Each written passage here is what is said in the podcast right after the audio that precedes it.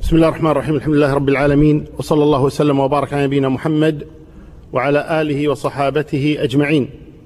أما بعد ما زلنا في قراءتنا لكتاب الفتن وأشراط الساعة من صحيح الإمام مسلم أبي الحجاج أو مسلم بن الحجاج أبي الحسين القشيري النيسابوري رحمه الله تبارك وتعالى والذي توفي سنة 61 ومئتين من الهجرة.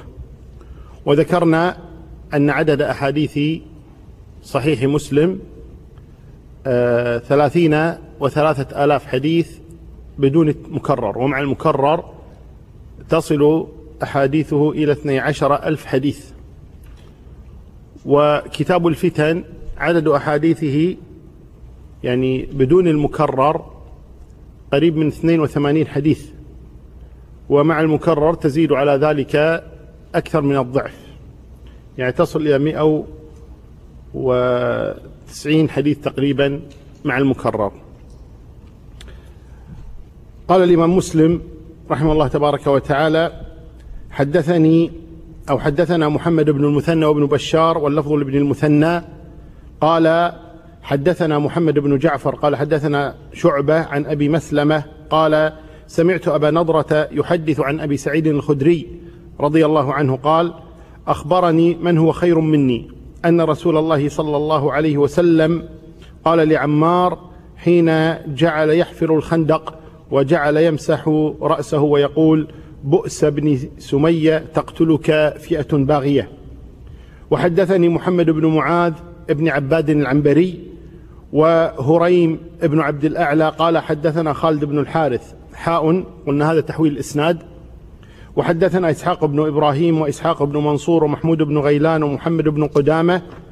قالوا أخبرنا النضر بن شميل كلاهما عن شعبة عن أبي مسلمة بهذا الإسناد نحوه. غير أن في حديث أبي النضر حديث النضر قال أخبرني من هو خير مني أبو قتادة يعني بين من هو الذي هو خير منه. وفي حديث خالد بن الحارث قال أراه يعني أبا قتادة. وفي حديث خالد يقول ويسة أو يقول يا ويسة ابن سمية.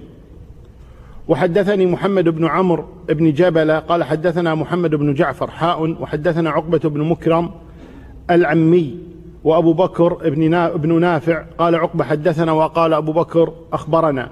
غندر قال حدثنا شعبة قال سمعت خالدا يحدث عن سعيد بن أبي الحسن عن أمه عن أم سلمة أن رسول الله صلى الله عليه وسلم قال لعمار تقتلك الفئة الباغية. وحدثني إسحاق بن منصور قال أخبرنا عبد الصمد بن عبد الوارث قال حدثنا شعبة قال حدثنا خالد الحذاء عن سعيد بن أبي الحسن والحسن عن أمهما عن أم سلمة عن النبي صلى الله عليه وسلم بمثله. وحدثنا أبو بكر بن أبي شيبة قال حدثنا إسماعيل بن إبراهيم عن ابن عون عن الحسن عن أمه عن أم سلمة قالت قال رسول الله صلى الله عليه وسلم تقتل عمارا الفئة الباغية. في هذه الأحاديث أن النبي صلى الله عليه وسلم أخبر أن عمار بن ياسر رضي الله عنه وعن أبيه تقتله فئة باغية وفي رواية الفئة الباغية. وكان هذا في يوم الخندق. لما كان النبي وأصحابه يحفرون الخندق فكان عمار مجتهدا في حفر الخندق وكان يحمل حجرين وغيره يحمل حجرا. فنظر إليه النبي صلى الله عليه وسلم في رواية وضع يده على رأسه وقال بؤس عمار. وفي رواية ويح عمار تقتله الفئة الباغية أو تقتله فئة باغية. بؤس وويح وويس كل هذه يعني الكلمات بمعنى يعني العطف والشفقة على الإنسان. يعني إذا أشفقت عليه وتحننت عليه يعني يقولها الإنسان على سبيل الترحم على الإنسان؟ بعكس يعني ويل تكون للطعن والذم هذه تكون لإظهار الرحمة. لهذا الإنسان تقول بؤس فلان أو ويس فلان أو ويح فلان كلها تدل على نوع من الرحمة والعطف على من تصيبه مهلكة أو أذى. وقول النبي صلى الله عليه وسلم تقتله فئة الباغية. ومعلوم أن عمار بن ياسر قتل في صفين. وكان رضي الله عنه مع علي بن أبي طالب في جيش علي رضي الله عنه. وقتل من قبل جيش الشام الذين هم كانوا بقيادة أو تحت إمرة معاوية ابن أبي سفيان. واستدل أهل العلم من هذا الحديث على أن الحق في تلك المعركة كان مع علي رضي الله عنه وأن معاوية ومن معه كانوا بغاة على علي وكان يجب عليهم أن يسلموا الأمر إليه. وهذه المسألة هي شبه اتفاق.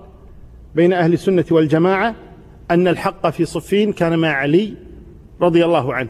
ولكن الذي تردد فيه أهل العلم هو إطلاق لفظ البغاة على معاوية أو عمرو بن العاص أو كان معهما من أصحاب النبي صلى الله عليه وسلم تأدبا. وإلا باتفاق أن الحق كان مع علي. ولذلك الإمام أحمد رحمه الله تبارك وتعالى لما قيل له حديث أبي سعيد عن النبي صلى الله عليه وسلم أنه قال عن عمار تقتلك الفئة الباغية. ما تقول فيه؟ قال هو كما قال. أي النبي صلى الله عليه وسلم. فقيل لأحمد إذا معاوية كان الفئة الباغية. قال لا أزيد بل أقول كما قال النبي. فهذا كان يقولها العلم تأدبا. فإذا قالها الإنسان على سبيل التنقص لأصحاب النبي كمعاوية أو عمرو بن العاص أو من كان معهما فإن هذا لا يجوز. وأما إذا قال على سبيل الإخبار والنص على أي الفريقين كان على الحق وأيهما كان الباغي فإن أهل السنة شبه اتفاق بينهم على أن الحق كان مع علي رضي الله عنه وأرضاه. وهنا يعني طرفة وليست بطرفة ولكن تبين لنا يعني سرعة البديهة عند علي رضي الله عنه. وذلك أنه ذكر أنه قيل بين يدي معاوية رضي الله عنه قتل عمار. فتحسر معاوية وندم وحزن لأجل, معاو... لأجل عمار بن ياسر وهو من أصحاب النبي صلى الله عليه وسلم المسلمين الأوائل. فقال له قائل إن عبد الله بن عمرو بن العاص يحدث عن النبي صلى الله عليه وسلم أنه قال عن عمار بن ياسر تقتله الفئة الباغية. فنحن الفئة الباغية. فقال معاوية إنما قتله من أتى به. إنما قتله من أتى به. يعني أن عليا لما أتى بعمار هو الذي تسبب بقتله. فسمع سامع هذا القول من معاوية فكان في يوم عند علي رضي الله عنه فذكر له هذه القصة. فتبسم علي. رضي الله من هذا الجواب يعني والتأويل البعيد يعني لحقيقة الأمر قال إذا رسول الله هو الذي قتل حمزة. لأن هو الذي أتى به ليقاتل معه في أحد. فإذا نقول إن النبي هو الذي قتل حمزة يعني كأنه يقول هذا جواب إيش؟ بعيد وتأويل وتأويل متعسف للنص. وعلى كل حال آه الأمر كما قال النبي صلى الله عليه وسلم أن عمارا رضي الله عنه قتلته الفئة الباغية.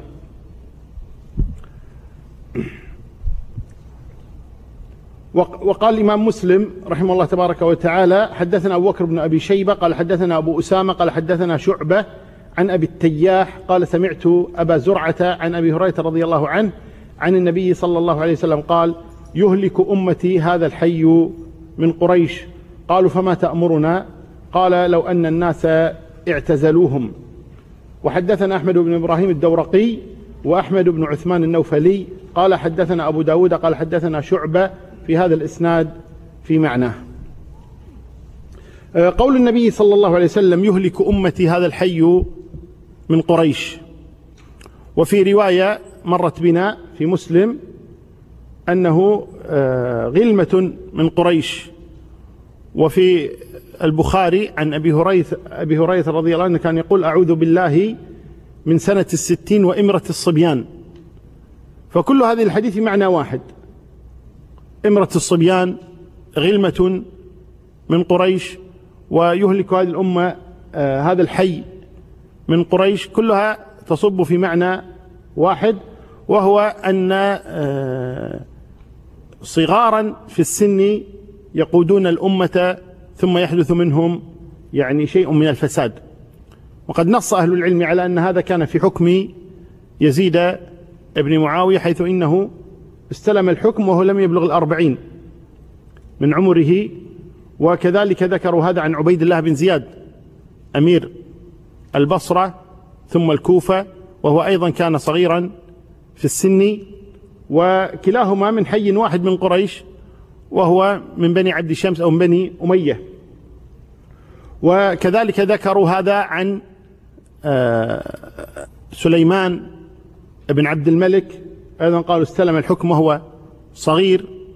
على كل حال أن شراح الصحيحين وغيرهما آه، قالوا أن المقصود آه، بهذا الحي من قريش هم بنو عبد شمس ويدخل في بني عبد شمس بنو مروان وبنو أمية. قالوا فما تأمرنا؟ قال لو أن الناس اعتزلوهم. ذكر القرطبي وغيره أن هذا فيه عدم الخروج على الحكام.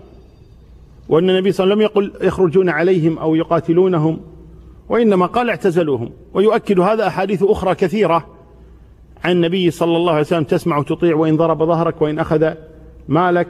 وقول النبي صلى الله عليه وسلم تسمع وتطيع ما قام فيكم ما قام فيكم الصلاة وغير ذلك من النصوص تدل على الاعتزال وعدم الخروج على أولئك الحكام ولو كان فيهم شيء من الظلم.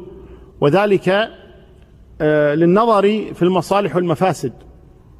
وذلك أن مفسدة الخروج أعظم من مفسدة الأذى يعني الواقع على بعض أفراد هذه الأمة. ولذلك القاعدة عند أهل العلم أنه إذا تعارضت المفسدة مع المصلحة وتساوتا قدم درء المفسدة على جلب المصلحة. فكيف إذا كانت المفسدة أعظم من المصلحة؟ فباتفاق أهل العلم أن درء المفسدة مقدم على جلب المصلحة إذا كانت المفسدة أعظم من المصلحة. ولذلك يقول الإمام الذهبي أو بنت نعم الإمام الذهبي رحمه الله تبارك وتعالى قال لما قامت دولة بني العباس على دولة بني أمية خرجت في سبيل القيام على الظلم والخروج على الظلمة. فلما حكموا كانوا أظلم وأبعد عن الحق من بني أمية. ويقول شيخ الإسلام تيمية رحمه الله تعالى منذ الثورة الأولى التي خرجت على عثمان إلى يومنا هذا يقصد يوم ابن تيمية يقول إلى يومنا هذا ما من ثورة قامت إلا وشرها أكثر من خيرها. وكان يقول الإمام الألباني رحمه الله تبارك وتعالى تعليقا على كلام شيخ الإسلام تيمية كان يقول وأنا أقول ومنذ عهد شيخ الإسلام تيمية إلى يومنا هذا ما من ثورة قامت إلا وشرها أكثر من خيرها. وقال الإمام مسلم حدثنا عمرو الناقد وابن أبي عمر واللفظ لابن أبي عمر قال حدثنا سفيان عن الزهري عن سعيد بن المسيب عن أبي هريرة رضي الله عنه قال قال رسول الله صلى الله عليه وسلم إذا مات كسرى فلا كسرى بعده وإذا هلك قيصر فلا قيصر بعده والذي نفسي بيده لتنفقن كنوزهما في سبيل الله. إذا هلك كسرى فلا كسرى بعده وإذا هلك قيصر فلا قيصر بعده. وهذا وقع كما أخبر النبي صلى الله عليه وسلم أنه لما سقط أو لما مات كسرى لم يقم كسرى بعده. ولما مات قيصر لم يقم قيصر بعده. وصارت يعني دولة فارس انتهت تقريبا وبقيت دولة آه، الروم. ودولة الروم ما زالت باقية لكن لم يكن لها قيصر بعد ذلك. صارت دولا متفرقة. وأما دولة فارس فانتهت تماما. والآن يحاولون إعادة أمجادها. ولكن القصد أن دولة الروم انتهت آه، من حيث القياصرة. أما دولة فارس فانتهت تماما من حيث الأكاسرة ومن حيث اجتماع كلمتها. نعم. قال ولتنفقن كنوزهما في سبيل الله. يعني ذكر أهل العلم أن الكنوز كانت عظيمة جدا وذكروا أن من كنوز كسرى أنه لما فتحت يعني بلاد فارس وأخذت كنوز كسرى الجيش الذي فتح يعني كل فرد من أفراد الجيش حصل على 12 ألف قطعة ذهبية من كثرتها.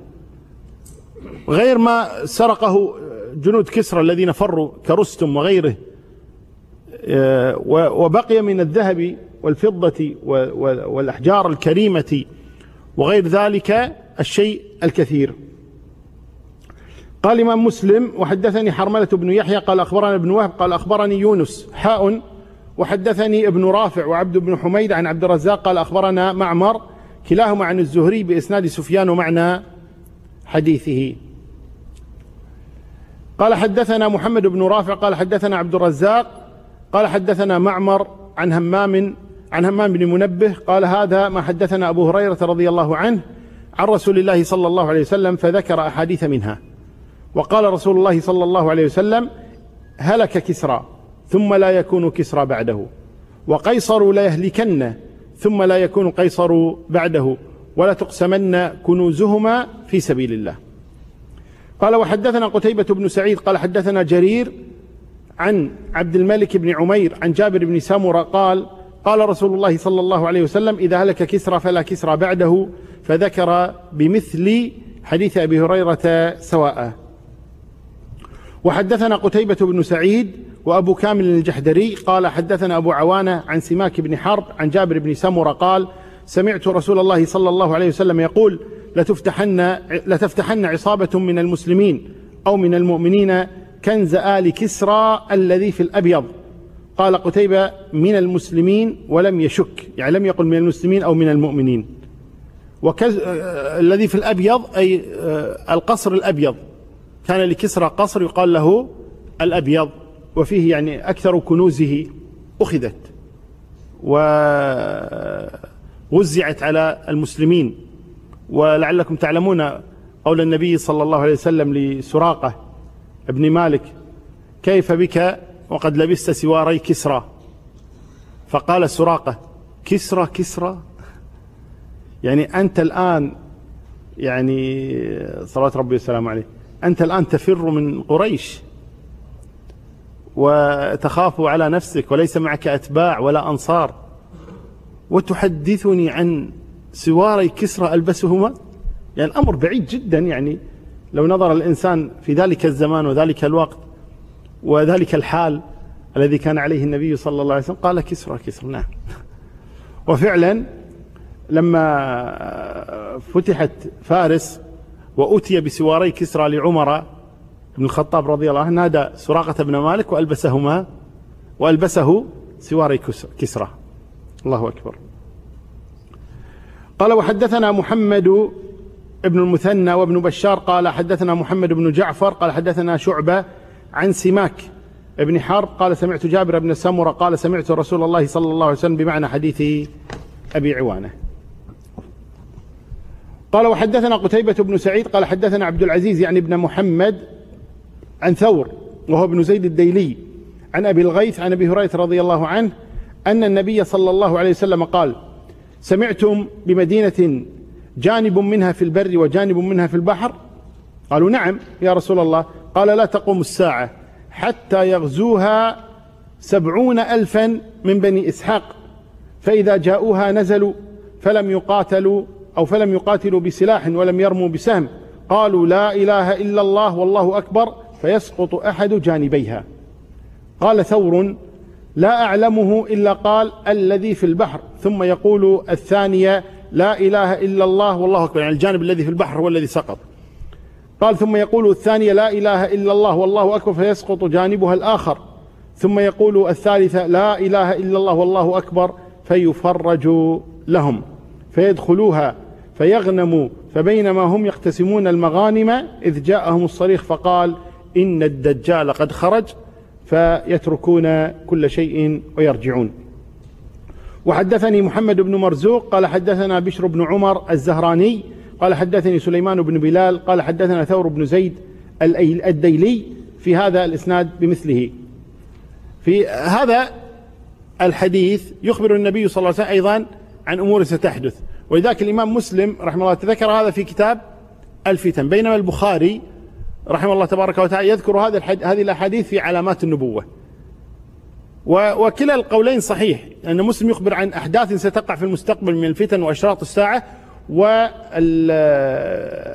رحمه الله تعالى ذكرها في علامات النبوة لأنها تدل على صدق نبوة محمد صلى الله عليه وسلم أنه يخبر عن أمور تقع في المستقبل.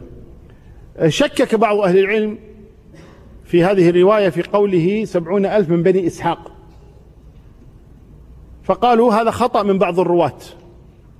هذا خطأ من بعض الرواة. وهذا ينبه إلى قضية.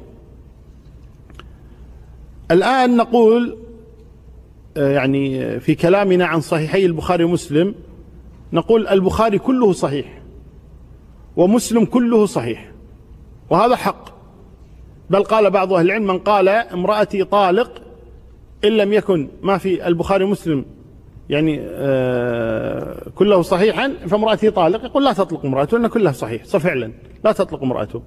ولكن مع هذا تجد بعض ألفاظ أهل العلم يعني آه تطلق مثل آه كل ما في البخاري ومسلم صحيح العدا أحرف يقولون هكذا عدا أحرف. وتجدون أحيانا يعني كتابا مثل كتاب التتبع للدار قطني أو للغساني آه، أو لغيرهما. هذا التتبع يعني تتبع أحاديث البخاري ومسلم. نجد أن أيضا الإمام البخاري رحمه الله تبارك وتعالى لما عرض كتابه الصحيح على بعض مشايخه كابن المديني وغيره فأقروه على ما فيه إلا أربعة أحاديث. فهذا يدل على ماذا؟ هذا يدل على أن قول أهل العلم البخاري كله صحيح أو مسلم كله صحيح لا يعنون بهذا أن صحيح البخاري أو صحيح مسلم ككتاب الله تبارك وتعالى أنه لا يأتيه الباطل من بين يديه ولا من خلفه لا أبدا لا يعنون هذا. بل هناك أحاديث يعني آه هو البخاري رحمه الله تعالى يرى أن هذا الكتاب كله صحيح ومسلم يرى أن هذا الكتاب كله صحيح فوضعه وسماه الصحيح. بعض أهل العلم جاء وقال أنا أوافق البخاري على ما قال ووقع على أن كل ما فيه صحيح. جاء آخر من أهل العلم قال أنا أعترض. في أحاديث أنا لا أوافق البخاري عليها أنها كلها صحيح. في أحاديث لا أوافقه عليه أخالفه فيها. وهذه المخالفة تتفاوت. بعض أهل العلم خالف في حديث بعضهم خالف في حديثين في أربعة في عشرة وهكذا. فنجد أن البعض خالفه في هذا. وكذا الأمر في مسلم. فنجد أن هناك من خالف البخاري ومسلم في بعض الأحاديث. يأتي الشراح أو من جاء بعدهم بعضهم يوافق. يعني المخالفين للبخاري وبعضهم يوافق البخاري. فمثلا الحافظ ابن حجر شارح البخاري وهو أشهر من شرح صحيح البخاري يقول اعترض على البخاري أو اعترض على أربعة أحاديث في البخاري ثم قال إيش؟ والقول فيها قول البخاري. يعني المعارضون لا وجه لهم فيما قالوا لما يأتي واحد مثل الإمام الدار قطني رحمه الله تبارك وتعالى ويعترض على أحاديثها في البخاري أو في مسلم يعترض على صحتها مثلا. فبعض أهل العلم يوافقه وبعض وآخرون يخالفونه. فالقضية يعني فيها أخذ ورد وقد يوافق بعض أهل العلم على بعض الأحاديث في البخاري أو في مسلم أن فيها ضعفا. لكن عندما تأتي إلى ثلاثة آلاف وثلاثين حديثا في مسلم أو لنقل اثني عشر ألفا اللي مع المكرر في مسلم فيتكلم في خمسة أحاديث أو ستة فهذه الأحاديث الستة لا تمثل نسبة بالنسبة لاثني عشر ألفا. لذلك يقولون إيش؟ كله صحيح. وإن كان فيه ستة أو سبعة متكلم فيها. وكذلك الأمر بالنسبة للبخاري رحمه الله تعالى إذا كان في حديث أو حديثان متكلم فيهما من مجموع أربعة آلاف حديث بدون المكرر أو سبعة آلاف وثمانمائة مع المكرر فلا يعدون هذه الأربعة أحاديث ويعتبرونه كله صحيحا على أن الأحاديث الأربع المتكلم فيها أيضا فيها نزاع. على الأقل البخاري يرى أنها صحيحة ومسلم يرى أنها صحيحة. فهي القضية ليست قضية أن قال البخاري كله صحيح خلاص سلم الناس. لا ليس بصحيح. يعني جاء ابن خزيمة وسمى كتابه الصحيح. وجاء ابن حبان وسمى كتابه الصحيح. وجاء الحاكم وسمى كتابه المستدرك على الصحيحين. وجاء آه، غيرهما وجعل كتابا له سماه الصحيح. وهذا كثير كعبد الغني وابن قدامة وغيرهم. طيب نجد أن أهل العلم لم يوافقوهم على ذلك. وإنما وافقوا البخاري ومسلما. فقد تكون بعض الأحرف عندما يقول أهل العلم إلا أحرف يسيرة قد يكون في أحرف مثل هذا الحرف الآن. وهو الحديث لا يخالف صحيح لكن يقول الذي قال من بني إسحاق أخطأ. إنما هم من بني إسماعيل لأن العرب من ولد إسماعيل ليسوا من ولد إسحاق. فيقول أخطأ الراوي هنا. فإذا لم يضعفوا الحديث وإنما ضعفوا إيش؟ كلمة في الحديث. يعني ومثل الحديث المشهور سبعون ألف من أمتي يدخلون الجنة بلا حساب ولا عقاب. قالوا من هم يا رسول قال هم الذين لا يرقون ولا يسترقون ولا يكتوون ولا يتطيرون وعلى ربهم يتوكلون. هذا الحديث في الصحيحين بدون كلمة لا يرقون. وإنما لا لا يسترقون ولا يكتوون ولا يتطيرون وعلى ربهم يتوكلون. في الصحيحين. جاء عند مسلم زيادة لا يرقون ولا يسترقون. فقال بعض أهل العلم كلمة لا يرقون غير صحيحة. أخطأ فيها بعض الرواة. لكن أصل الحديث كله صحيح لكن هذه الكلمة فقط. مثل حديث في البخاري. جاء فيه عندما يدخل أهل الجنة الجنة وأهل النار النار. طيب. وكان الله قد أقسم على نفسه لكل منهما علي ملؤها. فيقول الله تبارك وتعالى أو يقول النبي صلى الله عليه وسلم أما الجنة فينشئ الله لها خلقا. وأما النار فلا يظلم ربك أحدا. جاء في صحيح البخاري العكس. أما النار فينشئ الله لها خلقا. وأما الجنة فلا يظلم ربك أحدا. قال ابن كثير في شرح صحيح البخاري قال وهذا خطأ من الرواة صار قلب. هو العكس أما النار فلا يظلم ربك أحدا وأما الجنة فينشئ الله لها خلقا. فأخطأ بعض الرواة فقلب. فقال النار ينشئ الله لها خلقا والجنة لا يظلم ربك أحدا. فالتضعيف ليس لأصل الحديث وإنما إيش؟ حصل وهم عند بعض الرواة فقلب كلمة مكان كلمة. هذا معنى كلامهم إلا أحرف. يسيرة في البخاري أو في مسلم. نعم. إذا نعود الآن إلى هذه الكلمة وهو قول النبي صلى الله عليه وسلم أو ما روي عن النبي صلى الله عليه وسلم قال حتى يغزوها سبعون ألفا من بني إسحاق. قال شراح الصحيح شراح مسلم هذا خطأ من بعض الرواة وإنما هم من بني إسماعيل وليس من بني إسحاق. قال فإذا جاءوها نزلوا إلى آخر الحديث وقد مر بنا هذا الحديث أنهم يصيح بهم الدجال يصيح بهم الناس يقول الدجال قد خرج قلنا هذا الشيطان هو الذي صاح فيرجعون إلى أهليهم ثم يخرج الدجال بعد ذلك. ولكن في هذا الحديث زيادة أنهم بمجرد أن يكبروا ويهللوا يسقط جانب هذه البلاد المحاصرة ثم يكبرون ويهللون فيسقط الجانب الآخر بأمر الله تبارك وتعالى. قال الإمام مسلم رحمه الله تبارك وتعالى وحدثنا أبو بكر بن أبي شيبة عفوا. وقال الإمام مسلم رحمه الله تعالى حدثنا أبو بكر بن أبي شيبة قال حدثنا محمد بن بشر قال حدثنا عبيد الله بن عبيد الله عن نافع عن ابن عمر عن النبي صلى الله عليه وسلم قال لتقاتلن اليهود فلا تقتلنهم فلا تقتلنهم حتى يقول الحجر يا مسلم هذا يهودي تعال فاقتله. قال وحدثناه محمد بن المثنى وعبيد الله بن سعيد. قال حدثنا يحيى عن عبيد الله بهذا الإسناد وقال في حديثه هذا يهودي ورائي. وحدثنا أبو بكر بن أبي شيبة قال حدثنا أبو أسامة قال أخبرني عمر بن حمزة قال سمعت سالما يقول أخبرنا عبد الله بن عمر أن رسول الله صلى الله عليه وسلم قال تقتتلون أنتم ويهود. حتى يقول الحجر يا مسلم هذا يهودي ورائي تعال فاقتله. قال وحدثنا حرملة بن يحيى. قال أخبرنا ابن وهب. قال أخبرني يونس عن ابن شهاب. قال حدثني سالم بن عبد الله أن عبد الله بن عمر أخبره أن رسول الله صلى الله عليه وسلم قال تقاتلكم اليهود فتسلطون عليهم حتى يقول الحجر يا مسلم هذا يهودي ورائي فاقتله. وحدثنا قتيبة ابن سعيد قال حدثنا يعقوب يعني ابن عبد الرحمن عن سهيل عن أبيه عن أبي هريرة أن رسول الله صلى الله عليه وسلم قال لا تقوم الساعة حتى يقال حتى يقاتل المسلمون اليهود فيقتلهم المسلمون.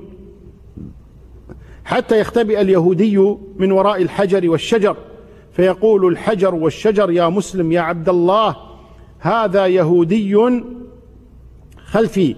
فتعالى فاقتله. إلا الغرقد فإنه من شجر اليهود. هذا الحديث أو هذه الأحاديث في معنى واحد وهو أن النبي صلى الله عليه وسلم يخبر أن قتالا قبل قيام الساعة سيكون بين المسلمين وبين اليهود. وأن الشجر والحجر يعني يقاتل مع المسلمين. من حيث إخباره للمسلمين عن مكان اليهود. فيقول هذا يهودي خلفي تعال فاقتله. والله أعلم هل يسمع اليهودي كلام الشجر والحجر فيفر بعد ذلك ثم يقتل أو أن هذا لا يسمعه إلا المسلم العلم عند الله تبارك وتعالى. ولكن الشاهد أن اليهودي من خوفه يختبئ خلف الشجر والحجر فيفضحه الشجر والحجر. وجاء في الحديث إلا الغرقد فإنه من شجر يهود يعني أن الغرقد لا يشهد بهذا يسكت. شجر الغرقد وهو نوع من شجر الشوك. طيب هذا لا يشهد للمسلمين على اليهود. وبعض أهل العلم يقول هو العوسج. يعني هذا الشجر هو العوسج والعلم عند الله تبارك وتعالى. هنا فائدة إسنادية. وهو قوله عن عبيد الله عن نافع. عبيد الله هو عبيد الله بن عمر العمري وأخوه عبد الله بن عمر العمري. هذان إمامان من أئمة أتباع التابعين. عبد الله بن عمر العمري وهما من جدهم عاصم بن عمر بن الخطاب جدهما. آه، عبيد الله بن عمر العمري وعبد الله بن عمر العمري أخوان إمامان ثقتان يعني فقيهان. ولكن آه، أحدهما يعني سيء الحفظ ولكنه إمام في الفقه فقيه لكن حفظه سيء وهذا لا يعيب الإنسان لأن هذه موهبة من الله تبارك وتعالى أن الإنسان يحفظ إنسان لا لكنه إمام ثقة من حيث يعني العدالة والأمانة والعلم والفضل والقدر اللي هو المكبر عبد الله. يقول عبد الله المكبر ضعيف في الحديث إمام في الفقه. عبيد الله المصغر هو الإمام في الحديث وفي الفقه. فالمصغر أقوى من المكبر. عبيد الله أقوى من عبد الله من حيث الحديث. فإذا وجدت الحديث فيه عبد الله بن عمر العمري ضعيف. عبيد الله بن عمر العمري ثقة ثبت. وهما في أخوان في زمن واحد يعني راويان. ولكن بعض أهل العلم أحيانا يخطئ في الرواية. هو عن عبيد الله يرويه عن عبد الله وأحيانا العكس وأشهر من عرف بذلك يعني الخلط بينهما اللي هو الدراوردي عبد العزيز بن محمد الدراوردي أحيانا يخلط يضع عبيد الله مكان عبد الله وعبد الله مكان عبيد الله ولذلك يخطئ كثيرا في هذا. قال الإمام مسلم حدثنا يحيى بن يحيى وأبو بكر بن أبي شيبة قال حدث قال يحيى أخبرنا وقال أبو بكر حدثنا أبو الأحوص حاء وحدثنا أبو كامل الجحدري قال حدثنا أبو عوانة أو أبو عوانة كلاهما عن سماك عن جابر بن سمرة قال سمعت رسول الله صلى الله عليه وسلم يقول إن بين يدي الساعة كذابين. وزاد في حديث أبي الأحوص قال فقلت له أنت سمعت هذا من رسول الله صلى الله عليه وسلم؟ قال نعم. وحدثني ابن المثنى وابن بشار قال حدثنا محمد بن جعفر قال حدثنا شعبة عن سماك بهذا الإسناد مثله. قال سماك وسمعت أخي يقول قال جابر فاحذروهم.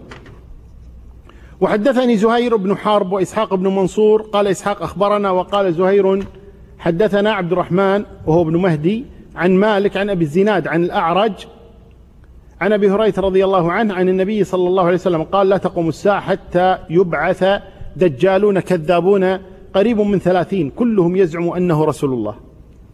وحدثنا محمد بن رافع قال حدثنا عبد الرزاق قال أخبرنا معمر عن همام بن منبه عن أبي هريرة رضي الله عنه عن النبي صلى الله عليه وسلم بمثله غير أنه قال ينبعث. يعني بدل يبعث ينبعث. على كل حال النبي صلى الله عليه وسلم يخبر أنه لا تقوم الساعة حتى يخرج قريب من ثلاثين. وهؤلاء الثلاثون كلهم يزعم أنه نبي. أنه رسول من عند الله. طبعا الناس لعل سمعت أكثر من ثلاثين. أنهم قالوا إن أنهم أنبياء. وعندما تقرأ كتب التاريخ تجد جملة ليست بقليلة من الناس ممن زعم أنه نبي. وهناك رجال وهناك نساء. كمسيلمة وسجاح والأسود العنسي و من؟ طليحة الأسدي وغيرهم. كل هؤلاء ادعوا أنهم أنبياء وجاء بعدهم أناس آخرون وما زال يعني الناس على هذا المنوال. يعني يخرج أناس ويدعون أنهم أنبياء من عند الله تبارك وتعالى. ومن طرائف ما سمعت حدثني أحد القضاة في الدمام. يقول ادعى رجل نبوة وهذا الذي ادعى النبوة في الكويت عندنا. ادعى النبوة فكان له أتباع في المملكة. فيقول لي هذا القاضي يقول فكنت أحقق مع أحد أتباعه.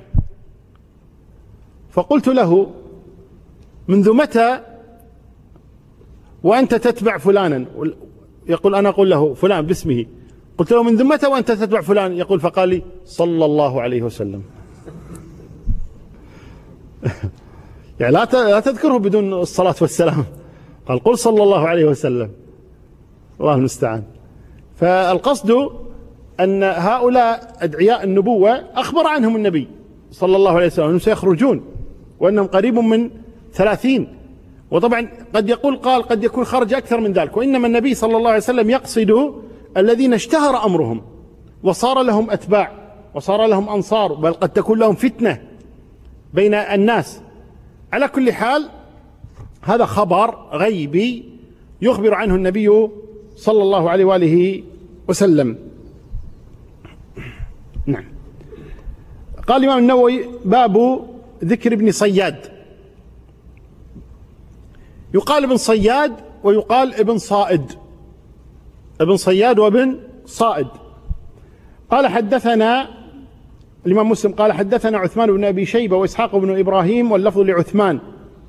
قال إسحاق أخبرنا وقال عثمان حدثنا جرير عن الأعمش عن أبي وائل عن عبد الله قال طبعا عبد الله هنا إذا أطلقت آه، تحتمل أكثر من عبد الله.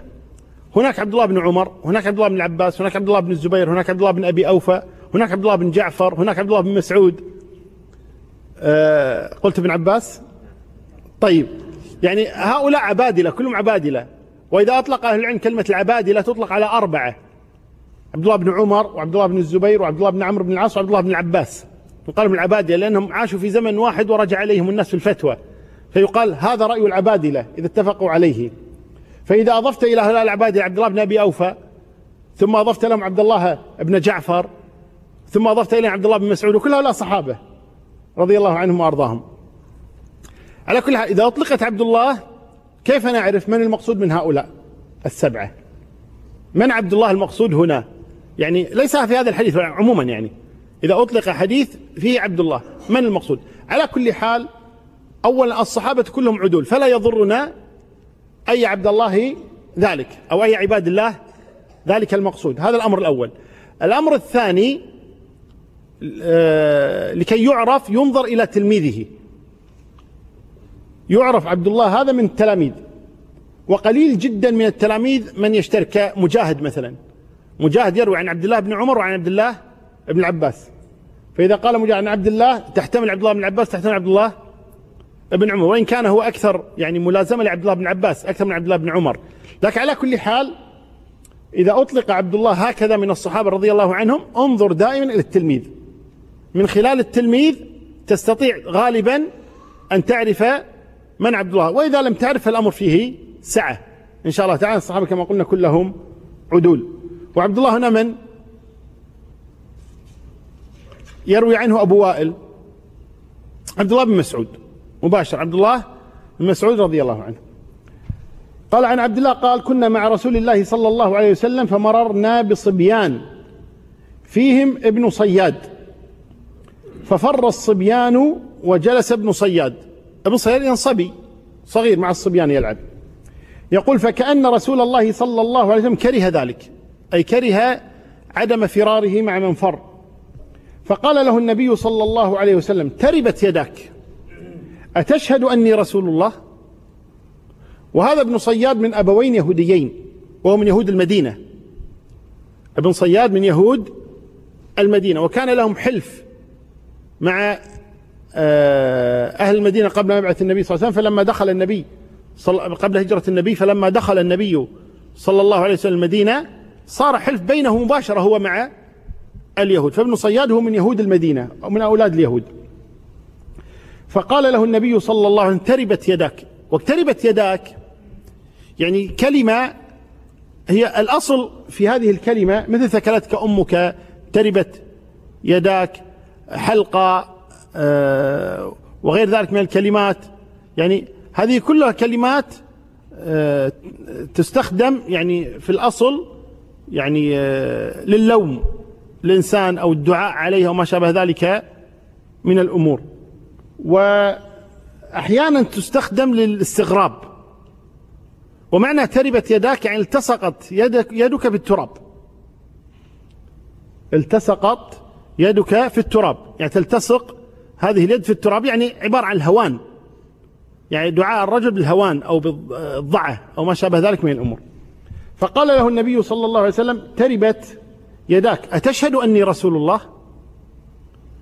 فقال لا ثم قال هو للنبي صلى الله عليه وسلم بل تشهد أني رسول الله؟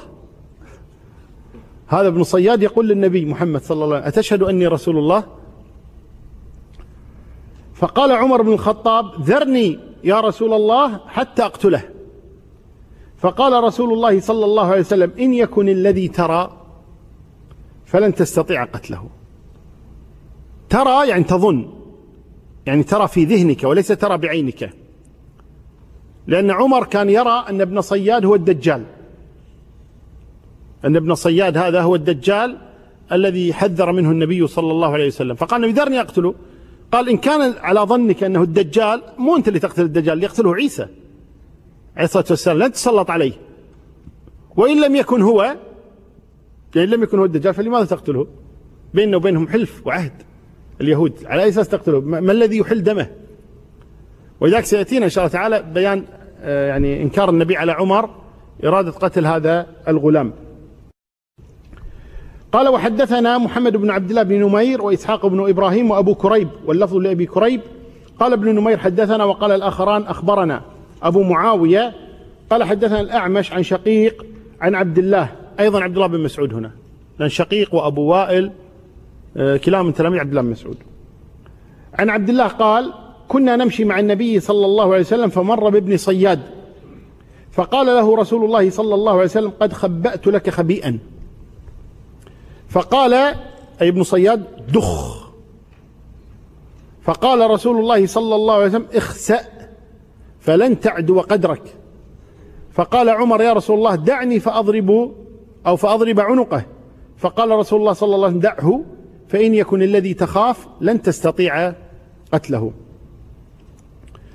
وحدثنا محمد بن المثنى قال حدثنا سالم بن نوح عن الجريري عن أبي نضرة عن أبي سعيد الخدري رضي الله عنه قال شوف أنا قلت أبو أبو سعيد الخدري ولا لا؟ يعني بعكس دقة الإمام مسلم. الإمام مسلم لو قال الخدري يضعها بين قوسين. شوف أنا قلتها هكذا. كيف كانوا أدق منا رحمهم الله تبارك وتعالى. عن أبي سعيد رضي الله عنه قال لقيه رسول الله صلى الله عليه وسلم أي لقي ابن صياد يعني. لقيه رسول الله صلى الله عليه وسلم أبو بكر وعمر في بعض طرق المدينة. فقال له رسول الله صلى الله عليه وسلم أتشهد أني رسول الله؟ فقال هو ابن صياد أتشهد أني رسول الله؟ يقول للنبي صلى الله عليه وسلم. فقال رسول الله صلى الله عليه وسلم آمنت بالله وملائكته وكتبه. ماذا ماذا ترى؟ ما ترى؟ أخبرني شو اللي تشوف أنت؟ فقال ابن صياد أرى عرشا على الماء. فقال رسول الله صلى الله عليه وسلم ترى عرش إبليس على البحر. إبليس هو الذي عرشه على الماء. وما ترى أيضا؟ قال وما ترى؟ قال أرى صادقين وكاذبا أو كاذبين وصادقا. فقال رسول الله صلى الله عليه وسلم لبس عليه. دعوه. حقيقة ابن صياد أو ابن صائد هذا يعني أستعجلها الآن لأن سأذكرها بالتفصيل لكن أستعجلها الآن. ابن صياد أو ابن صائد يقال له اسمه صاف. صاد ألف فاء صاف. آه هذا من أبوين يهوديين. وكان يتعاطى الكهانة من صغره. واختلف أصحاب النبي صلى الله عليه وسلم فيه هل هو الدجال الذي حذر منه نوح وحذر منه محمد صلى الله عليه وسلم وجميع الأنبياء يعني يسمونه الدجال الأكبر أو أنه دجال من الدجاجله مع اتفاقهم أنه دجال لكن هل هو الدجال الأكبر أو أحد الدجالين؟ لأن النبي صلى الله عليه وسلم قال ياخذ ثلاثون دجالا. هل هذا أحدهم أو هذا هو الدجال الأعور الدجال الذي يقتله عيسى عليه الصلاة والسلام؟ آه وكان يتعاطى الكهانة. فجاءه النبي صلى الله عليه وسلم فقال له خبأت لك خبيئا. وكان النبي قد خبأ له فارتقب يوم تأتي السماء بدخان مبين. فقال ماذا خبأت لك؟ قال الدخ. يعني إجابها عرفت شلون؟ يعني النبي قال خبأت لك إيش؟ يوم تأتي السماء بدخان مبين. ماذا خبأت؟ قال دخ. قال بعضهم دخ هو اسم الدخان في بعض لغات العرب. يعني بعض العرب يسمي الدخان دخ اختصارا مثل عائشة يقول إيش؟ عائش. يعني باب الاختصار. فدخ من أسماء الدخان لكن ما استطاع أن يأتي بالآية كلها. وهذا قول النبي صلى الله عليه وسلم لبس عليه أو لبس عليه. لماذا؟ لأن النبي صلى الله عليه وسلم كان مع أصحابه وقال خبأت له يوم تأتي السماء بدخان خلينا نشوف يدركها ولا لا. فالشياطين الذين يبلغونه لأن هؤلاء السحرة والكهنة يتعاونون مع الشياطين. والشياطين يحدثونهم يعني بالأمور المستقبلة أو والأمور الماضية.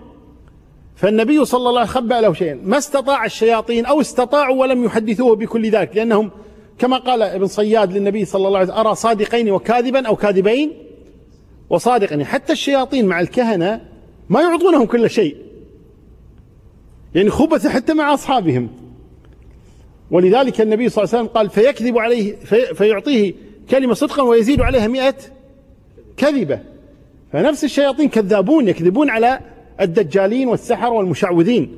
ولكن لجهل الناس لا يتنبهون للكذب ويقبلون يعني ما أخبروا به ووقع وينسون ما أخبروا به ولم يقع. فالشياطين حدثوا هذا بكلمة من جملة. والتي هي إيش؟ فارتقب يوم تأتي السماء بدخان مبين فاعلموه الدخ. أو هذا الذي استطاعوه. فقال دخ. فقال له النبي اخسأ فلن تعدو قدرك يعني أنت من إخوة الكهنة والمشعوذين. لا تسوي نفسك رسول وتعلم الغيب وأنه يوحى إليك. هذا كله كذب. أنك ما استطعت أن تعرف ما خبأت لك. بخلاف اليهود وهذا لما يأتون يسألون النبي صلى الله عليه وسلم كيف أنه يأتيه الوحي ويخبرهم عن أسئلتهم التي يسألونها رسول الله صلى الله عليه وآله وسلم. قال وحدثنا يحيى بن حبيب ومحمد بن عبد الأعلى. قال حدثنا معتمر. قال سمعت أبي. قال حدثنا أبو نضرة عن جابر بن عبد الله رضي الله عنهما قال آه لقي النبي أو نبي الله صلى الله عليه وسلم ابن صائد ومعه أبو بكر وعمر وابن صائد مع الغلمان فذكر نحو حديث الجريري. قال وحدثني عبيد الله بن عمر القواريري ومحمد بن المثنى قال حدثنا عبد الأعلى قال حدثنا داود عن أبي نضرة عن أبي سعيد الخدري قال صحبت ابن صائد إلى مكة. الآن سنذكر جميع الأحاديث في ابن صياد أو ابن صائد ثم بعد ذلك نعلق عليها إن شاء الله تعالى. لكن انظروا إلى هذه الأحاديث كيف يعني هي غريبة. قال أبو سعيد الخدري صحبت ابن صائد إلى مكة. طبعا هذا بعد وفاة النبي صلى الله عليه وسلم. يقول صحيت ابن صائد إلى مكة فقال لي أما قد لقيت من الناس يعني يشتكي لأبي سعيد الخدري يقول أذوني الناس لأن كثير من الناس يشكون فيه أنه هو الدجال وبعض الصحابة كان يقول له أنت الدجال هكذا. فهذا متضايق يقول أذوني الناس أنا مسكين أنا يبي يكسر الخاطر يعني. زين؟ قال أما قد لقيت من الناس يزعمون أني الدجال ألست يقول لأبي سعيد الخدري ألست سمعت رسول الله صلى الله عليه وسلم يقول إنه لا يولد له؟ قال قلت بلى. قال لي ولد. أنا عندي أولاد. قال أوليس سمعت رسول الله صلى الله عليه وسلم يقول لا يدخل المدينة ولا مكة؟ قال قلت بلى. قال فقد ولدت في المدينة وها أنا ذا أريد مكة. يعني مو أنا الدجال. واضح؟ صدق مسكين يكسر الخاطر. قال لست الدجال. قال ثم قال لي في آخر قوله أما والله إني لا أعلم مولده ومكانه وأين هو؟ خرب على نفسه. يعني بعد ما كسر خاطر أبا سعيد يقول أبو سعيد حتى أشفقت عليه. يقول في رواية عند الترمذي وغيره يقول أبو سعيد حتى أشفقت عليه. ما صبر. قال لكني أعرفه وأعرف مولده وفي رواية وأعرف والده وأعرف متى يخرج ولا أكره أن أكون هو. يقول فقلت له تبا لك سائر اليوم. يقول فلبسني يعني من أمره. يعني بعد أن أشفقت عليه لبسني من أمره أنه هو الدجال فعلا. قال وحدثنا يحيى بن حبيب ومحمد بن عبد الأعلى. قال حدثنا معتمر. قال سمعت أبي يحدث عن أبي نضرة عن أبي سعيد الخدري. قال قال لي ابن صائد وأخذتني منه ذمامة. يعني ذميته. هذا يقول عذرت الناس ما لي ولكم يا أصحاب محمد. هو هذا آه، ابن صائد يقول ألم يقل نبي الله إنه يهودي؟ وقد أسلمت يعني أنا ماني يهودي. قال ولا يولد له وقد ولد لي. وقال إن الله قد حرم عليه مكة وقد حججت. ليش تتهموني أن أنا الدجال؟ قال أبو سعيد فما زال حتى كاد أن يأخذ في قوله يعني يستمر في قوله. قال فقال له أما والله إني لأعلم الآن حيث هو. يعني الدجال. وأعرف أباه وأمه. قال وقيل له أيسرك أنك ذاك الدجال ذاك الرجل يعني الدجال؟ قال فقال لو عرض علي ما كرهت. يقول لو عرض علي ما كرهته قال وحدثنا محمد بن المثنى. قال حدثنا سالم بن نوح. قال أخبرني الجريري عن أبي نضرة عن أبي سعيد الخدري رضي الله عنه قال خرجنا حجاجا أو عمارا ومعنا ابن صائد. قال فنزلنا منزلا فتفرق الناس وبقيت أنا وهو. فاستوحشت منه وحشة شديدة. مما يقال عليه يعني الكلام لا يدور حوله. قال وجاء بمتاعي فوضعه مع متاعي. فقلت إن الحر شديد لو وضعته تحت تلك الشجرة. كأنه يقول شنو يعني عبد الله؟ فكني من شرك. بعد عني. طيب لو وضعته تحت تلك الشجرة؟ قال ففعل.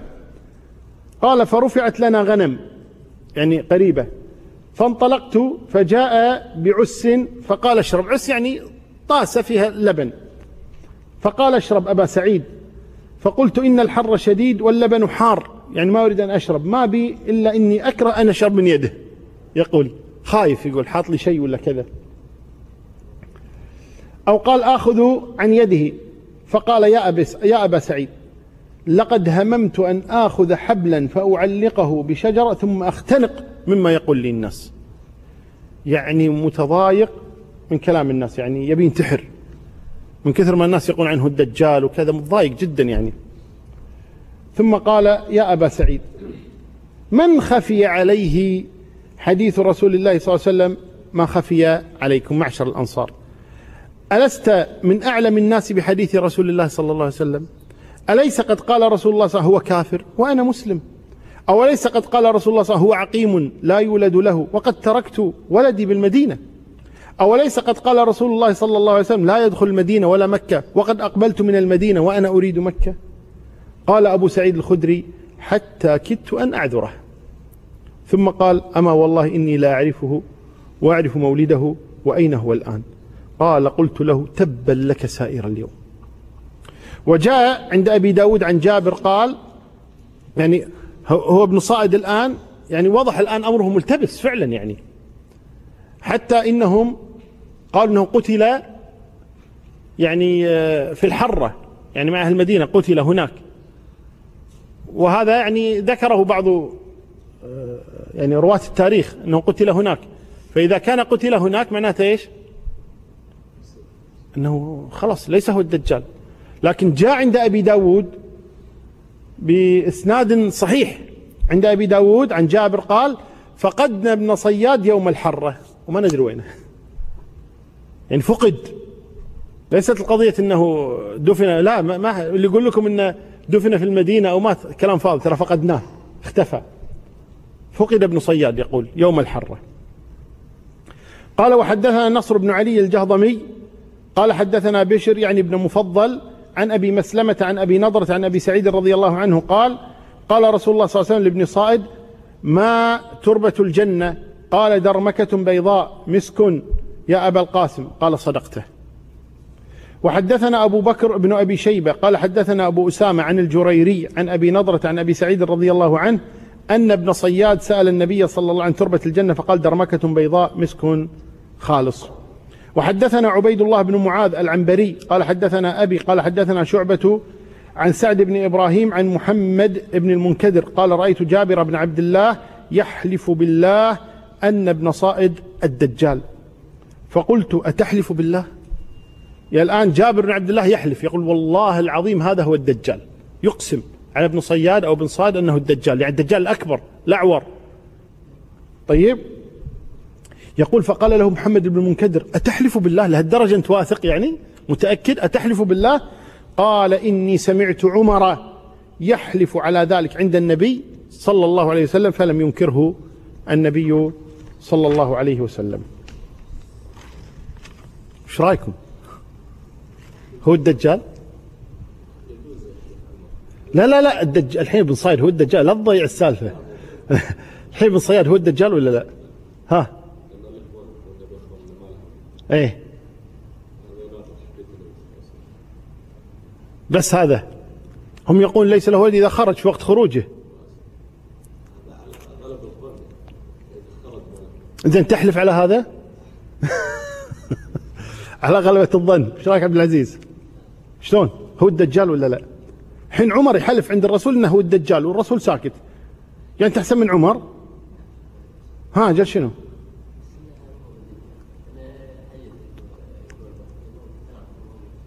يعني مو الدجال. أحد منكم يقول هذا هو الدجال الأكبر الأعور؟ ترى في علماء كثر قالوا القرطبي والنووي وغيرهم قال هذا هو الدجال الأكبر.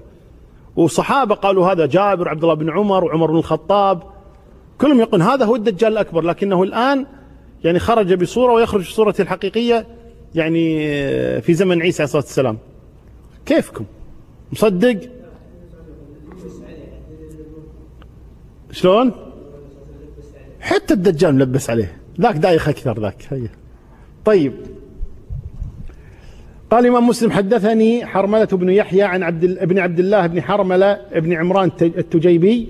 قال أخبرني ابن وهب قال أخبرني يونس عن ابن شهاب عن سالم بن عبد الله أنه أخبره أن عبد الله بن عمر أخبره أن عمر بن الخطاب انطلق مع رسول الله صلى الله عليه وسلم في رهط قبل ابن صياد حتى وجده يلعب مع الصبيان عند أطم بني مغالة. أطم قلنا هي إيش؟ مثل السور. السور الحصن. بني مغالة قبيلة. وقد قارب ابن صياد يومئذ الحلم.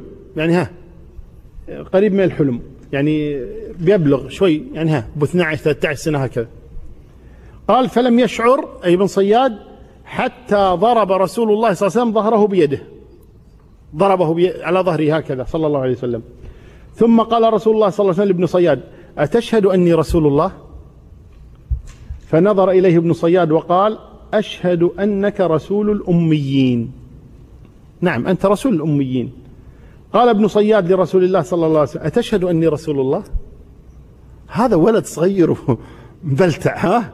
ملوسا يقول للرسول أتشهد أني رسول الله؟ قال فرفصه وفي فرفضه رسول الله صلى الله عليه وسلم. وقال آمنت بالله وبرسله. ثم قال له رسول الله ماذا ترى؟ قال ابن صياد يأتيني صادق وكاذب. يعني هو ظهر صدق مع النبي صلى الله عليه وسلم. يقول أنا يجوني ناس واحد صادق واحد كاذب. فقال له رسول الله صلى الله عليه وسلم خلط عليك الأمر. ثم قال له رسول الله صلى الله عليه وسلم إني قد خبأت لك خبيئا. قال ابن صياد نعم هو الدخ. فقال له رسول الله اخسأ فلن تعدو قدرك فقال عمر ذرني يا رسول الله أضرب عنقه.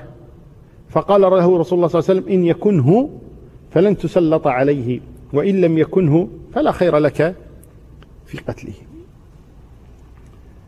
آه هنا مسألة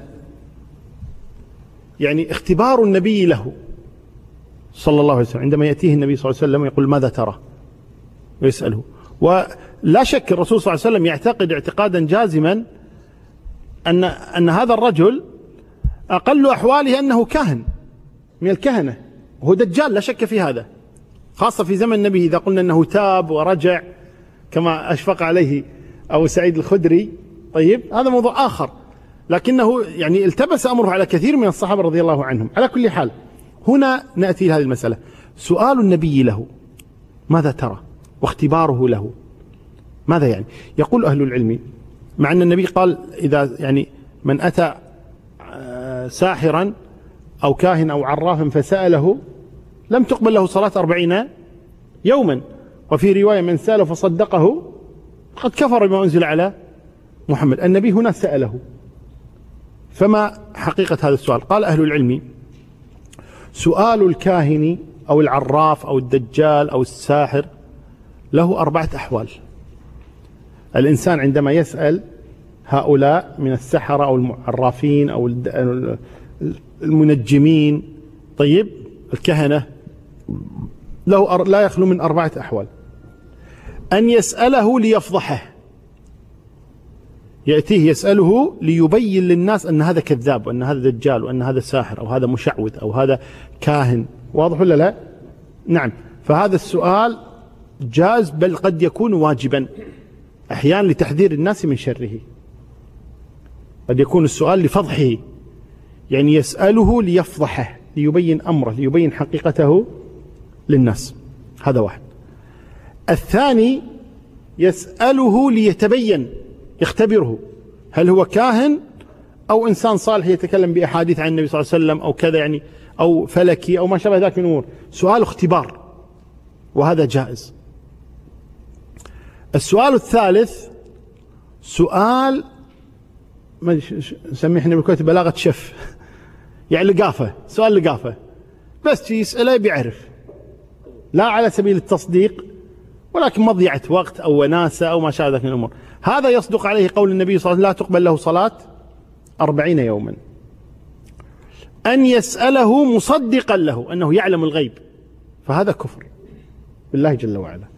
إذا هذه أحوال الناس في سؤالهم لهؤلاء الكهنة أو الدجالين أو العرافين أو ما شابه ذلك. يعني يحضرني أحدهم هو عامي يعني كان في أظن يقول كنا في السودان أقول أظن. يقول فإذا واحد باسط بسطه يبيع خواتم. خواتيم. قال شنو هذا؟ قال هذا علشان أمك تحبك هذا عشان أبوك يحبك هذا عشان زوجتك هذا عشان عيالك توفقون هذا عشان تصير غني هذا عشان تصير. ما قاعد طالع من صدقك أنت؟ قال أبد كل خاتم قال هذا إيش حق هذا؟ قال هذا عشان تصير غني. قال ما تلبس. أنت قاعد بالشارع تبيع. تقول عشان تصير غني. ألبس أنت عشان تصير غني. طيب. فهذا يدلك على أن هؤلاء فعلا فهذا إذا لو فرضنا أن هذا الرجل الذي قال له البس أمام الناس حتى يفضحه ويبين حاله هذا لا بأس به. بل قد يكون واجبا حتى خاصة إذا كان الناس متأثرين به ويعتقدون إن هذا الإنسان فعلا يعني يعني كاهن ويعلم الغيب أو يتصرف أو ما شابه ذلك من الأمور. قال الامام مسلم وقال سالم بن عبد الله سمعت عبد الله بن عمر يقول انطلق آه، بعد ذلك رسول الله صلى الله عليه وسلم وأبي بن كعب الأنصاري إلى النخل التي فيها ابن صياد حتى إذا دخل طبعا هذا وقال سالم طيب هذا يسمونه معلق. وهذه معلقات قليلة جدا في صحيح مسلم. وعلى آه، كل حال المعلقات صحيح مسلم قريب من 12 حديثا كلها صحيحة في مسلم. قال آه، انطلق بعد ذلك رسول الله صلى الله عليه وسلم أبي بن كعب الأنصاري إلى النخل التي فيها ابن صياد حتى إذا دخل رسول الله صلى الله عليه وسلم النخلة طفق يتقي بجذوع النخل يعني آه، يبعدها عنه شوي شوي يعني يتختل يمشي شوي شوي. وهو يختل أن يسمع من ابن صياد شيئا. يعني النبي صلى الله عليه وسلم يمشي شوي شوي بين النخل يبي يوصل حق ابن صياد بيسمعه بدون ما يدري. كل هذا النبي صلى الله عليه وسلم يتحقق من أمر هذا الغلام. آه، قبل أن يراه ابن صياد. فرآه رسول الله صلى الله عليه وسلم وهو مضطجع على فراش في قطيفة. آه، له فيها زمزمة. يون. يون بس كلام غير واضح. زمزمة يعني كلام إيش؟ غير واضح. قال فرأت أم ابن صياد رسول الله صلى الله عليه وسلم وهو يتقي بجذع النخل شافته يقترب من ولدها. فقالت لابن صياد يا صاف. قلنا اسمه صافي هو. قالت يا صاف هذا محمد. فثار ابن صياد. فقال الرسول لو تركته بين. يعني لو تركته كان بين أمره. اكتشفنا أمر هذا الدجال أو هذا المشعوذ لأن الإنسان سبحان الله وهو نائم يعني خلينا نقول ماخذ راحته وكذا سواء كان نايم غايب عن الوعي أو هذا. ممكن يتكلم بأشياء يعني تبين حقيقته. وذاك هذول اللي هم التنويم المغناطيسي ينومون وبعدين يقول إيش؟ يلا تكلم فيتكلم بالصدق عندهم التنويم هذا اللي معرفة الكذب من الصدق وما شابه ذاك من الأمور. قال سالم قال عبد الله بن عمر فقام رسول الله صلى الله عليه وسلم في الناس فأثنى على الله بما هو أهله ثم ذكر الدجال فقال آه إني لأنذركموه يعني أحذركم أمره ما من نبي إلا وقد أنذره قومه لقد أنذره نوح قومه ولكن أقول لكم فيه قولا.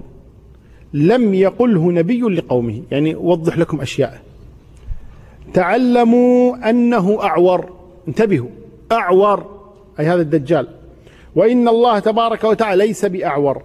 قال ابن شهاب واخبرني آه، عمر بن ثابت الأنصاري أنه أخبره بعض أصحاب رسول الله صلى الله عليه وسلم أن رسول الله صلى الله عليه وسلم قال يوم حذر الناس الدجال إنه مكتوب بين عينيه كافر يقرأه من كره عمله أو يقرأه كل مؤمن.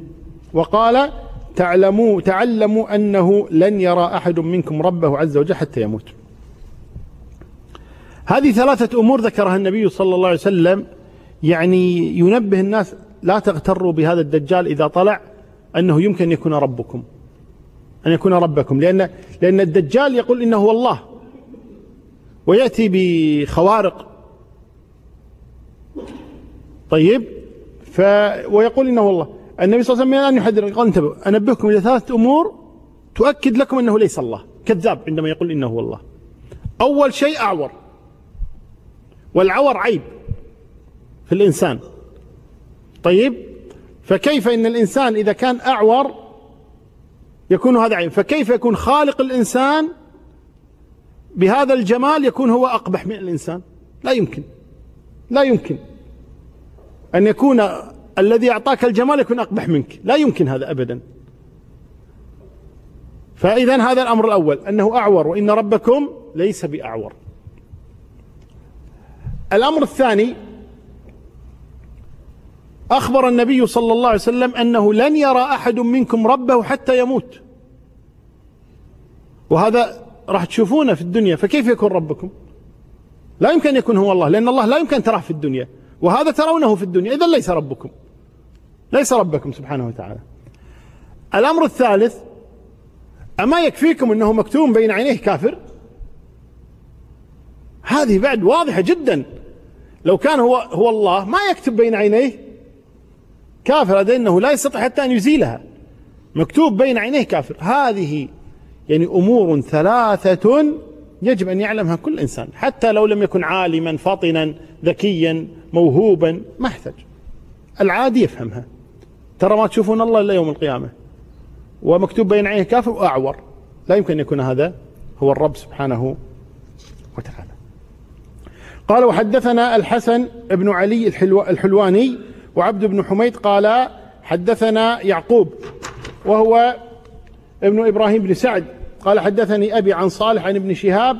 قال أخبرني سالم بن عبد الله أن عبد الله بن عمر قال انطلق رسول الله صلى الله عليه وسلم معه رهط من أصحابه فيهم عمر بن الخطاب حتى وجد ابن صياد غلاما قد ناهز الحلم يلعب مع الغلمان عند أطم بني معاوية وساق الحديث بمثل حديث يونس. إلى منتهى حديث عمر بن ثابت وفي الحديث عن يعقوب قال أبي يعني قوله لو تركته لو تركته بين يعني أمه لما نادته.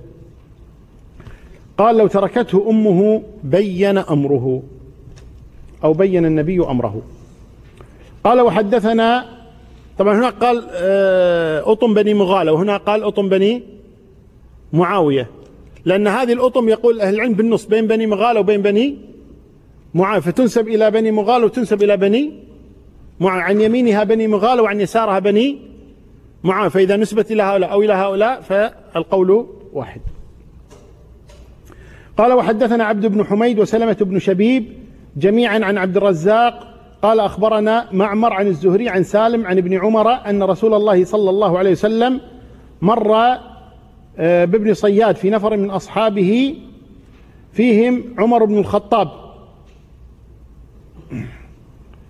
وهو يلعب مع الغلمان عند أطم بني مغالة وهو غلام. بمعنى حديث يونس وصالح غير أن عبد بن حميد لم يذكر حديث ابن عمر في انطلاق النبي صلى الله عليه وسلم مع أبي بن كعب إلى النخل. نعم. قال الإمام مسلم حدثنا عبد بن حميد قال حدثنا روح عن عبادة قال حدثنا هشام عن أيوب عن نافع قال لقي ابن عمر بن, صي... بن صائد في بعض طرق المدينة فقال له قولا أغضبه.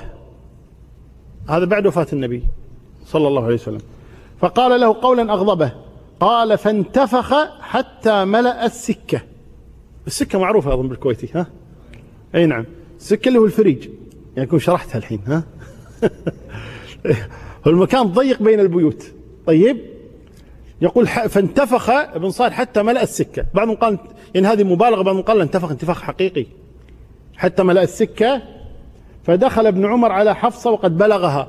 يعني بلغها أن ابن عمر قال له قولا عنيفا أو في رواية أن ابن عمر قال له ما أراك أعور. ما لي أرى عينك كأنها عنبة طافية. فانتفخ هذا ابن صياد حتى ملأ السكة. فدخل عبد الله بن عمر على حفصة أم المؤمنين فقالت له رحمك الله. ما أردت من ابن صائد لا, لا تتحرش فيه. هذا احتمال أنه الدجال لأن حفصة كانت ترى أنه الدجال. فقالت له ما ما أردت من ابن صائد أما علمت أن رسول الله صلى الله عليه وسلم قال إنما يخرج من غضبة يغضبها؟ قد يكون هذا هو الدجال الأكبر لأنه يخرج من غضبة يغضبها. لا تغضبوه يعني اتركوه بحاله. هذا اللي هو بن صائد قال وحدثنا محمد بن المثنى قال حدثنا حسين يعني ابن حسن ابن يسار قال حدثنا ابن عون عن نافع قال كان نافع يقول ابن صياد آه، قال قال ابن عمر لقيته مرتين.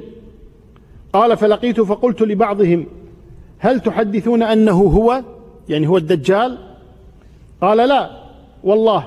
قال قلت كذبت آه، كذبتني. والله لقد أخبرني بعضكم أنه لن يموت حتى يكون أكثركم مالا وولدا. يعني هذا الرجل. فكذلك هو زعم اليوم. قال فتحدثنا ثم فارقته. قال فلقيته لقية أخرى. وقد نفرت عينه. يعني بدأ هذا ابن صياد نفرت عينه. والنبي صلى الله عليه وسلم قال عند الدجال انه إيش؟ أعور. يعني بدأ يصير شنو؟ بدأ يشبه له. قرب عبد الله. قرب. زي بدأ يشبه له. قال فانتفخت عينه. قال فقلت متى فعلت عينك ما أرى؟ هذا ابن عمر يقول له متى فعلت عينك ما أرى؟ قال لا أدري. ابن صياد يقول لابن عمر لا أدري. فقال له ابن عمر قلت لا تدري وهي في رأسك؟ ما تدري عين عينك وهي في رأسك؟ قال إن شاء الله خلقها في عصاك هذه. إيش علي أنا؟ قال فنخر كأشد نخير حمار. هذا ابن صياد. آه قال سمعت قال فزعم بعض أصحابي أني ضربته بعصا كانت معي حتى تكسرت. هذا ابن عمر يقول ما أذكر لأن كان ظاهر الموقف هذا لما نخر قام إليه ابن عمر صار إيش؟ يضربه بعصا حتى تكسرت العصا. ابن عمر يقول حدثوني قالوا لي بس أنا ما أذكر. يقول ابن عمر.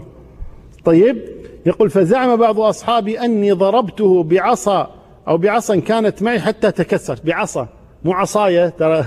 إحنا هنا نقول العصاية وهذا ترى خطأ هذا خطأ لغوي. هي عصا وليست عصاية. زين؟ حاولوا تمسكون عنها. لا تقول عصاية عصا. يقول فزعم بعض أصحابي أني ضربته بعصا كانت معي حتى تكسرت. وأما أنا فوالله ما شعرت. يعني ما أذكر هذا الشيء. قال وجاء حتى دخل على أم المؤمنين. يعني حفصة أخته رضي الله عنها. قال فحدثها. فقالت ما تريد إليه؟ ألم تعلم أنه قد قال أي النبي صلى الله عليه وسلم إن أول إن أول ما يبعثه على الناس غضبة يغضبها؟ يعني هذا آه، غضب يغضبه اللي هو هذا الدجال. فكانت تخشى أن هذا هو الدجال الأكبر. طيب نقف هنا. على كل حال الذي عليه أكثر أهل العلم أن ابن الصائد دجال وأنه وإن كان يعني ظهر من صلاحه أنه حج وخرج القتال مع المسلمين وظهر بعض صلاحه إلا أنه بعد ذلك لما قال لأبي سعيد الخدري والله إني لا أكره أن أكون هو مع أن ذاك كافر وهو يتمنى أن يكون كافر والعياذ بالله فهذا كافر فالشاهد أن جماهير أهل العلم على أنه دجال ابن صياد هذا ولكن هل هو الدجال الأكبر أو أحد الدجاجلة الأكثر على أنه أحد الدجاجلة وبعض أهل العلم ومنهم أصحاب النبي صلى الله عليه وسلم كعمر وجابر وعبد الله بن عمر كان يعتقد أن هذا هو الدجال الأكبر. ولكن قضية أنه لا يولد له هذا هذا عندما يخرج الخرجة الأخرى. ولكن الآن هو كذا وكذلك يرون أنه اختفى ما يدرون أين ذهب.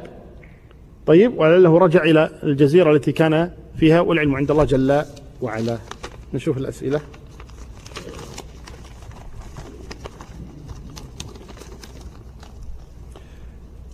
أه قل لماذا لم يروي الإمام مسلم عن شيخه الإمام البخاري؟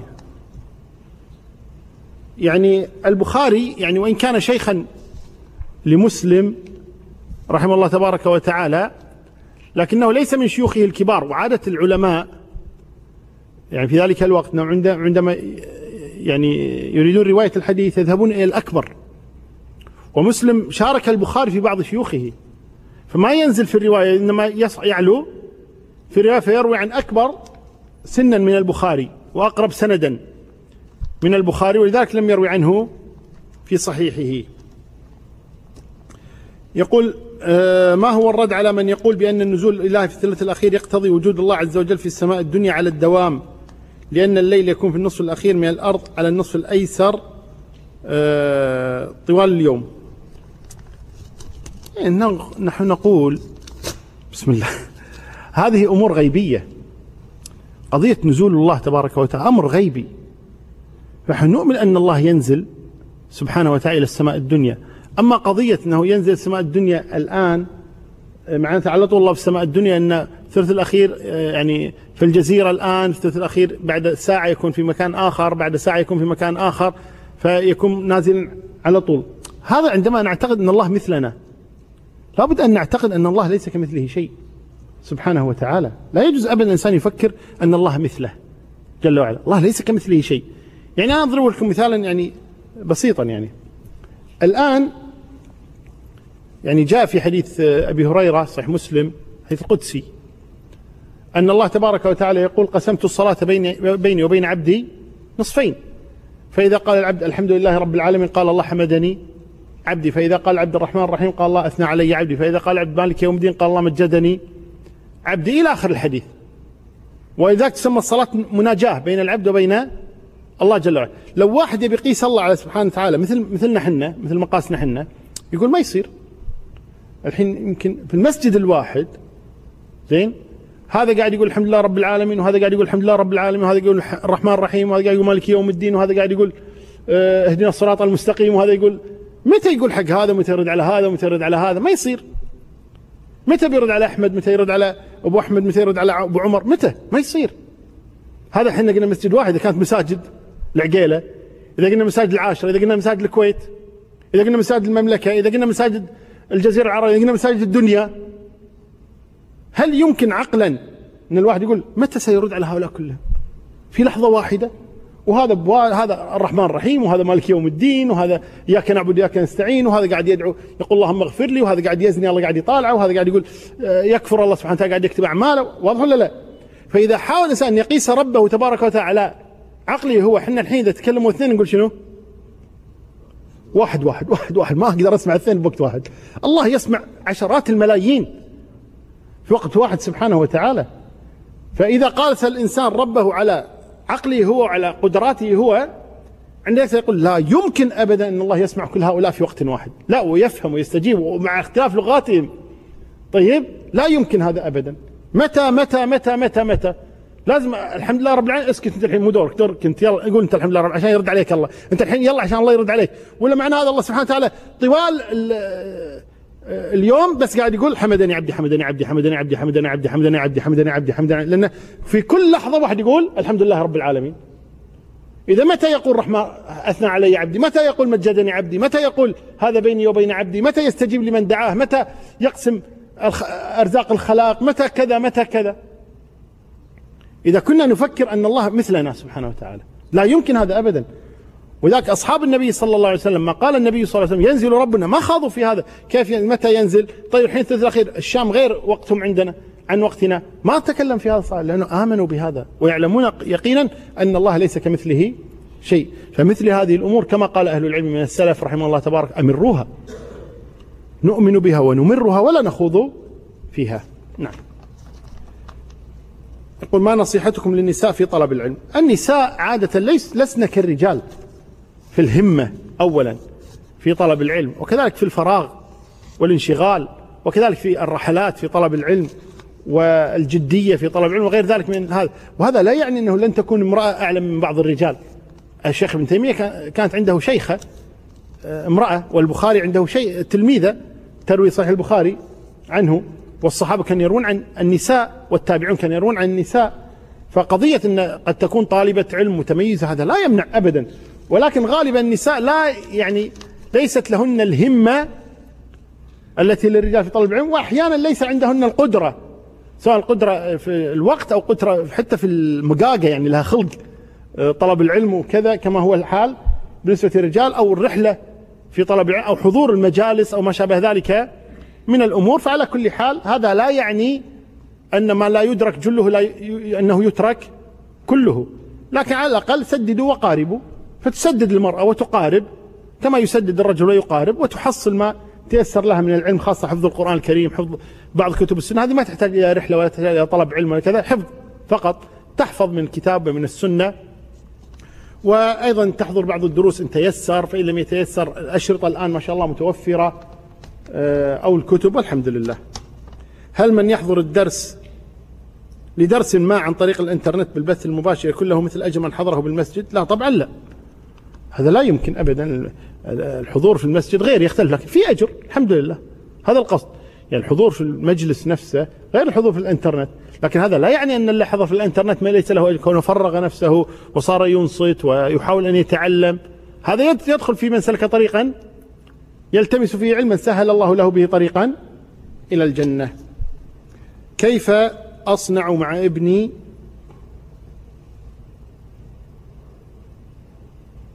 آه كيف أصنع من ابني شيخا كابن عثيمين أو ابن باز؟ إيه لا بأس يعني يعني يعني توقعين ابن باز وابن عثيمين لما كان صغيرين مثلا. يعني كانت أم أمهاتهما تعتقدان آه أنهما سيكونان بهذا الأمر. ما الله أعلم. شلون؟ فأنت تجتهدي عليه بطلب العلم والحرص والجدية وكذا والدعاء. والله سبحانه وتعالى ييسر. لما خص النبي صلى الله عليه وسلم العرب في قوله ويل للعرب؟ هذا ذكرناه. آه، حذر أن العرب بيضة الإسلام قلنا. العرب هم بيضة الإسلام هم مقصودون دائما. ودائما إذا أرادوا ضرب الإسلام يقصدون إيش؟ يقصدون العرب. وذاك سبحان الله أنا ما أدري ليش أجيب الشيعة قال سامحوني. وذاك يذكر المهدي مهدي الشيعة عندما يخرج أول ما يخرج يقتل العرب. العرب يعني مقصودين الله المستعان. قال هل الفتن تصيب العرب دون غيرهم؟ لا تصيبهم تصيب غيرهم. أم أن التحذير خاص بالعرب لأنهم أسرع؟ لا ليسوا أسرع في الوقوع في الفتن ولكن كما قلنا مقصودون. العرب مقصودون. تشبيه الفتن بالقطر هل هو كناية عن سرعة انتشارها؟ نعم. انتشارها وكثرتها. نعم. هل الراوي هل هل الراوي ما روى وحي أم روى النبي كما حدث في الإسراء؟ هل الرؤيا هنا يمكن؟ رؤيا وحي أم رؤيا النبي كما حدث في الإسراء؟ مثل قول صلى الله عليه وسلم هل, هل ترون ما أرى؟ لا لا هذه الرؤيا لا رؤيا وحي من الله تبارك وتعالى أنه فعلا يرى صلى الله عليه وسلم هذا الأمر. يعني يرى الفتن أنها ستقع صلى الله عليه وسلم. متى أسلم ابن صياد بعد وفاة الرسول؟ وكيف كان إسلامه؟ هل أسلم والداه لا ليس معروفا متى أسلم لكن بعد وفاة النبي. صلى الله عليه وسلم قطعا وأسلم والداه غير معروف هذا. ما أدري يعني أنا لا أعلم. يقول ألا نقل سؤال النبي لابن صياد هو أن الرسول صلى الله عليه وسلم لا يعلم الغيب وقد يكون الله لم يخبره بأمره فذهب الرسول ليتأكد منه. نعم هذا الذي قاله أهل العلم أنه حتى النبي صلى الله عليه وسلم لم يعرف ابن صياد هو الدجال ولا لا. إذا قال لعمر إن يكن هو فلن تسلط عليه وإن لم يكن هو فلا لا مصلحة لك في قتله. حتى النبي صلى الله عليه وسلم قال أنه لا يعلم هل هو الدجال أو لا. يقول ما ذكر وذاك لم ينكر على عمر لما أقسم أنه الدجال بين يديه. ما ذكره الرسول صلى الله عليه وسلم عن بعض الحروب وغيرها هل يمكن أن تتكرر كقتالنا مع الروم؟ لا مانع. لا مانع من هذا أن تتكرر. نعم. هل إسلام بن صياد كان بعد وفاة الرسول صلى الله عليه وسلم؟ قلنا هذا. هل قوله عليه الصلاة والسلام لا يبقى أن على وجه الأرض بعد مئة عام أحد يدخل فيه ابن صياد؟ لا لا آه، لأن قلنا الدجال موجود ولم يمت في ذلك الوقت. والله أعلى وأعلم. وصلى الله وسلم وبارك على نبينا محمد.